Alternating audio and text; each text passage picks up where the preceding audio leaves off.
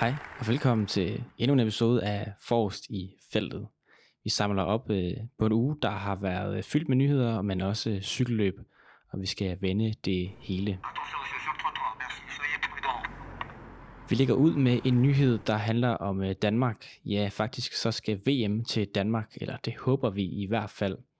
For det er sådan, at Danmark nu har officielt har afgivet sit øh, bud på VM i Danmark i 2029. Og nu står det altså også klart, hvilke byer det er, der så skal den rammerne om det her VM, så frem vi øh, får det. Og det bliver Helsingør, Roskilde, Aarhus og København, der kan få lov at, ja, hvad kan man sige, skumme fløden øh, på den her opmærksomhed, der kommer til at være til i Danmark til den tid. I Helsingør, der skal kvinderne køre deres øh, linjeløb, så slutter de så i København, og Roskilde, der starter de i herrenes linjeløb, slutter også i København, og i Aarhus, der skal de altså i bøjlen alle rytterne og køre enkeltstarten. Og det er lidt af et event det her, fordi regeringen de har samarbejdet med Sportsevent Danmark og DCU, Erhvervsministeriet, Kulturministeriet osv. Står den her partner, øh, partnerkreds, så har de altså sat øh, 140 millioner kroner af til afvikling af det her projekt. Og 70 millioner kroner, det er fra staten, så er der 5 millioner fra Sport Event Danmark, øh, og så kommer de andre penge fra blandt andet også kommunerne. Og det bliver altså øh, første gang, eller ikke første gang, det er ved at være et stykke tid siden, vi sidst har haft VM på hjemmebane. Det var nemlig i 2011, hvor øh, mange nok husker, at Mark Cavendish han altså var hurtigst. Og lige det her med, at det er blevet København, der har fået lov at få chancen, det har der altså også været en, øh, en stor en del kritik af. Der er rigtig mange, blandt andet på sociale medier, der mener, at øh, det simpelthen er for kedelig en, øh, en rute. Det er ikke spændende nok at komme til at køre på Sjælland. Der er for lidt hvad kan man sige, bakker ifølge mange. Øh, terrænet er simpelthen ikke spændende nok.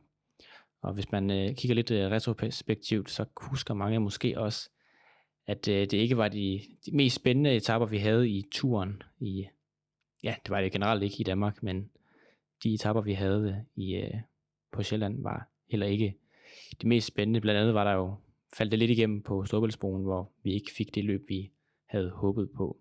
Men det kan altså være, at vi får det i øh, 2029, hvis Danmark altså får det her løb. Og øh, der har jo også været kritik, som jeg lige var inde på, og det betyder jo altså også, at Vejle blandt andet ikke kom med. Vi kunne ellers afsløre tidligere på feltet.dk, at Vejle var en del af planerne, men øh, de får altså ikke lov at få den her enkeltstart, og det bliver i stedet for Aarhus, hvor der jo ikke har været øh, cykelløb i et godt stykke tid efterhånden. Det er ikke fordi, de er så vant til det længere. Var jo altså før han en fast del af personer, der måtte rundt, men øh, nu skal de altså til at arrangere cykelløb igen. Sidst vi havde store cykelløb, det var jo, som jeg lige var inde på før, i 2022 med turen i Danmark, og så havde vi også Hivestarten i 2012. Men inden vi øh, når til 2029, og det bliver altså først afgjort det her i Zürich til efteråret, når der bliver kørt VM, ja, så skal vi altså også have et øh, bane-VM, blandt andet i år, 2024 i Ballerup Super Arena, og vi får også et BMX-VM i København næste år. Så øh, der er god grund til at købe en øh, regnbuesvætter og så øh, komme ud i Danmark og se noget øh, cykling. Det skal i hvert fald nok blive spændende.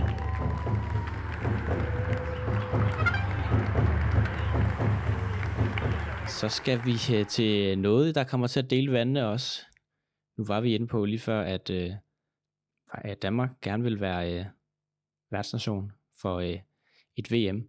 Og det er det her land faktisk også i 2028, der skal Saudi-Arabien nemlig være vært for øh, Gravel VM. Men det er altså ikke det, den her nyhed handler om. Nej, i stedet for så handler det om en øh, ny cykelliga, der angiveligt skulle være på vej. I hvert fald øh, sponsoreret af netop Saudi-Arabien. Der er nemlig øh, nye planer ifølge Reuters, der har talt med tre kilder meget, meget tæt på øh, sagen. Og jeg tænker lige, vi går igennem, hvad det egentlig handler om det her. Det er en øh, stor privat, ikke privat, en stor øh, offentlig øh, investeringsfond i Saudi-Arabien, der hedder Saudi Arabia's Public Investment Fund, PIF, der så har startet et øh, virksomhed, der hedder SRJ Sports Investments, som blev grundlagt øh, sidste år. Og de, den her øh, virksomhed, den her fond, kald hvad du vil, SRJ Sports Investments, de er altså sat i verden for at fremme sport og kultur, kan man sige, i Saudi-Arabien. Og en del af de planer, det er altså netop at, angiveligt at lave den her cykelliga. Og øh, jeg kommer ind på, hvor mange penge der er sat af til det lige om lidt. I husker måske, at øh, der var et stort projekt. Øh, fodbolden, det er der faktisk stadigvæk. Super League. Øh, og det er altså lidt eller det her, vi øh, snakker om. Et stort projekt, der skal få de fleste store interesserede øh, cykelhold med, og ligesom få, få lavet lidt om for forretningsmodellen i cykelsporten, der er jo ikke øh, ligefrem er bekendt for at være særlig attraktiv for holdene. Der har jo før været stor kritik af blandt andet ASO og øh, RJS, som, øh, eller undskyld, RCS, som også har øh, Shiven. ASO, der har turen og Vueltaen og en række andre løb også, blandt andet Dauphiné og så videre. Ja, de har jo altså fået kritik for, at øh, de tager for stor en del af, af bid af kagen, og øh, det er altså det, som holdene angiveligt gerne vil lægge lidt pres på. Og jeg tænker, at vi skal, vi skal til beløbet, fordi det er altså absolut ikke småpenge, som de her saudi de har tænkt sig at smide i det her.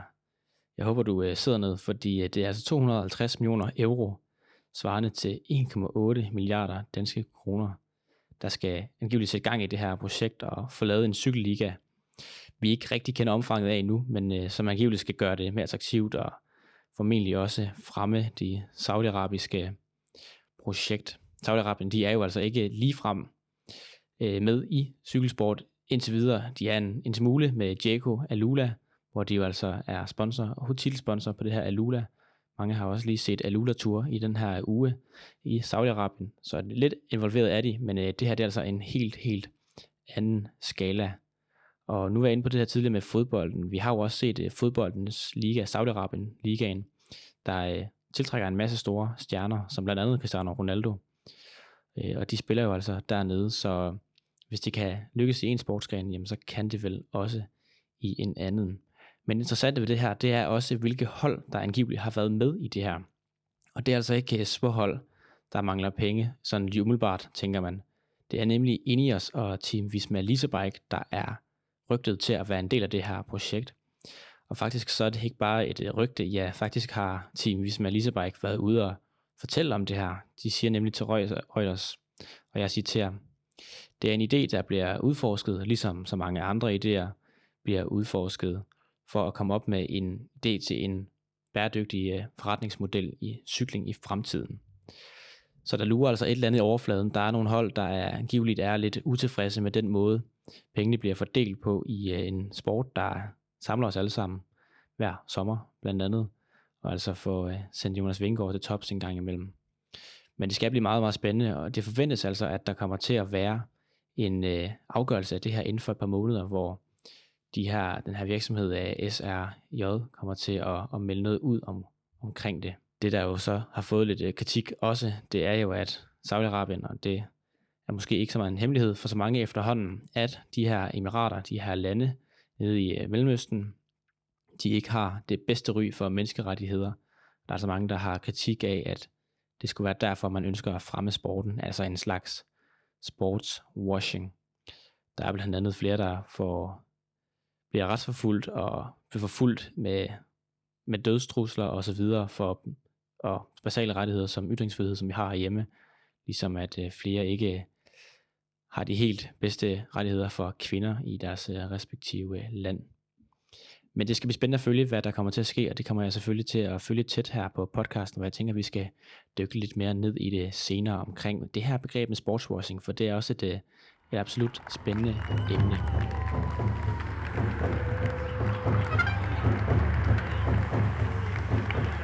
Vi skal også lige vælge lidt resultater her til sidst, for det har været en uge med cykelløb, og vi kan mærke, at vi er ved at være i gang nu. Vi havde jo altså Alula Tour og Valencia løbet, og så havde vi også Etoile de Bessage, og ikke mindst VM i cykelcross. Og jeg tillader mig lige at snakke om de sidste to kun. Jeg starter altså lige med VM i cykelcross, fordi øh, danskerne de gjorde det rigtig, rigtig flot. Albert Witten Philipsen, der jo øh, på forhånd måske var ventet af nogen til at gøre en rigtig god figur, det gjorde han også.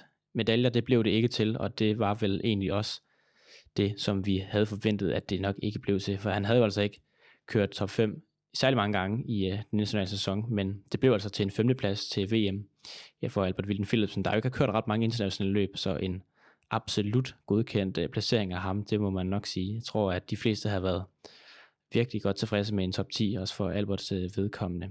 Men han var altså ikke den eneste dansker, der kørte øh, hurtigt, fordi Jonas øh, Gamborg, som nogen måske husker til DM i Cross, der øh, også kørt rigtig flot der, og har kørt rigtig godt i øh, crosskoppen også. Ja, han kom altså ind på en 20. plads. Og det var altså et øh, stærkt, stærkt resultat af, af ham. Mille Troelsen, hun blev den øh, bedste junior-dansker.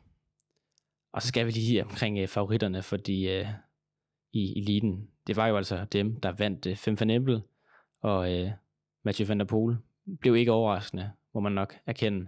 Selvom øh, vi helst kan lide nogle spændende løb, så var det altså dem, der endte med at gå med VM-titlerne. Og så blev Holland jo altså den, den helt store vinder. I U23-løbene, der blev det Tibor Del Grosso og Zoe Backstedt, der tog sejrene der. Så altså også en, øh, en hollandsk sejr, og så lige en enkelt britisk sejr også. Så skal vi også lige vende Tour øh, de Bessage, som er altså det her ikoniske løb, til at man kalde det, nede i Frankrig, hvor Mads P. han blandt andet var til start, og han var jo altså i uh, vælten. Han vandt jo blandt andet en, en etape løbet, og så uh, ender han altså også med at vinde løbet sammenlagt. Og det blev altså særligt spændende her på enkeltstarten, hvor han jo faktisk er lige ved, ej, jeg vil ikke kalde det smidigt, men han ender i hvert fald med at gøre det spændende til sidst, fordi en uh, ung herre i, uh, en ung franskmand i Kevin Vankelong, han, uh, han ender altså med at slå Mads Pedersen på den sidste enkeltstart, som Mads Pedersen jo altså vandt sidste år i, i samme løb slår ham med 10 sekunder, og det ender altså med, at han øh, kun slår Mads Pedersen, Kevin McLang, med to sekunder i den samlede stilling. Så en øh, knepen sejr, kan man vel godt sige, men øh, ikke desto mindre rigtig flot kørt af Mads Pedersen. Og den skarpe serie vil jo nok øh, bemærke, at øh, Mads Pedersen han ikke kørt i førtrøjen, selvom han jo altså var i førtrøjen. Der var jo altså øh, åbenbart øh, problemer med den dragt, han skulle køre til start i. Det så vi også tidligere blandt andet i PostNord Danmark rundt, hvor øh, Mathias Skelmose heller ikke lige kunne køre i den dragt på den sidste enkeltstart. Det er jo sådan, at øh, holdene bruger rigtig, rigtig mange penge på at udvikle de her dragter, og derfor har de jo også interesse i at køre i de her dragter, frem for en eller anden øh, dragt, der bliver lavet af et, øh, et, øh, et løb, og øh, derfor så øh, er det, at man hører i nyerne, at øh, lynlåsen går i stykker, eller de i hvert fald får dispensation til det. Det afhænger lidt af løbene, men må ikke det var det, der var tilfældet for Mads Pedersen? Det hjalp i hvert fald, at han fik sin øh, rigtige dragt på, fordi øh, hvis den bare var to sekunder hurtigere, ja, så endte det jo altså med at betyde, at han øh, vandt til aller, aller sidst. Mads Pedersen, der øh, kørte rigtig, rigtig flot, men altså lige havde et enkelt sving, hvor han var lige ude på dalen. Det, han kørte simpelthen så stærkt, at han lige måtte klikke ud en gang. Det lover godt for øh, den danske øh, verdensstjerne, der øh, allerede har vundet sit første løb. Han tager altså også pointtrøjen, og så en etappesejr. Det, øh, kan kun blive godt for danske Mads Pedersen i den her sæson. Det var alt, hvad jeg havde for øh, denne omgang af Forrest i feltet. Som altid, så skal du have stor tak, fordi du lyttede med, og så vil jeg altså lige spidse ører, for de næste par uger har jeg nogle ret spændende programmer på, øh, nogle udsendelser på programmet, undskyld, øh, synes jeg i hvert fald selv. Så øh, følg med inde på øh, siden, når jeg kommer til at udgive øh, dem hvad for nogle episoder, der jeg udgiver først, det har jeg ikke lige helt besluttet endnu, men øh, ikke desto mindre, så lover jeg i hvert fald, at øh, det bliver rigtig, rigtig godt. Indtil vi lyttes ved igen, så må du have en øh, rigtig, rigtig god dag. Mit navn er Jeppe Pechert Assenhold, og det er mig, der har produceret den her episode. Kan du, kan du, kan du have det godt? Hej.